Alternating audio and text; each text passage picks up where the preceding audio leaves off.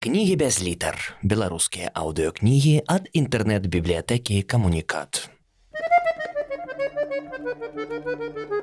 Артур Клінаў. Локісаў. Раман. Глава 54. З зыбіцкага трэсла.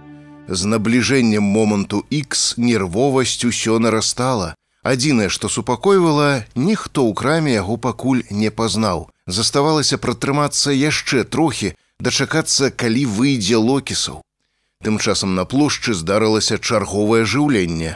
Да першых дзвюх брыгад дадалася трэцяя, пад'ехалі рабочыя ў зялёных камізэльках і ўзяліся распаковваць скрыні, з навагоднім падарункам ад замка. Публіка ў гастраноме тут жа загаманіла.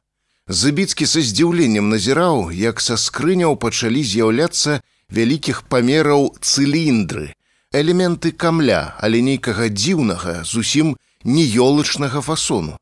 Калі рабацягі ўзяліся за чарговую скрыню, з таго канца плошчы ад саўдзельніка прыйшоў сігнал.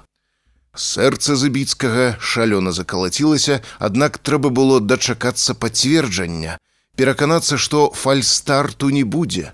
Неўзабаве ён заўважыў, як на другім канцы з будынка пошты сапраўды выйшаў локісаў, за ім з'явілася надзя, а разам яны скіраваліся да помніка Леніну.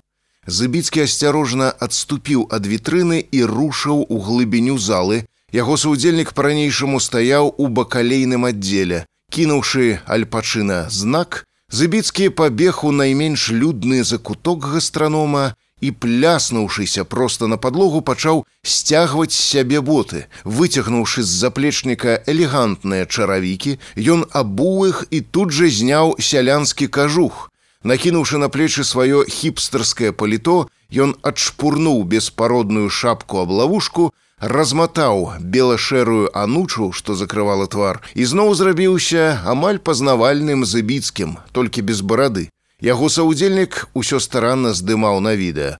Скончыўшы з пераўвасабленнем, забіцкі пхнуў нагой пад прылавак вясковы кажух, ухапіў у руки пакет і рашуча выйшаў у народ.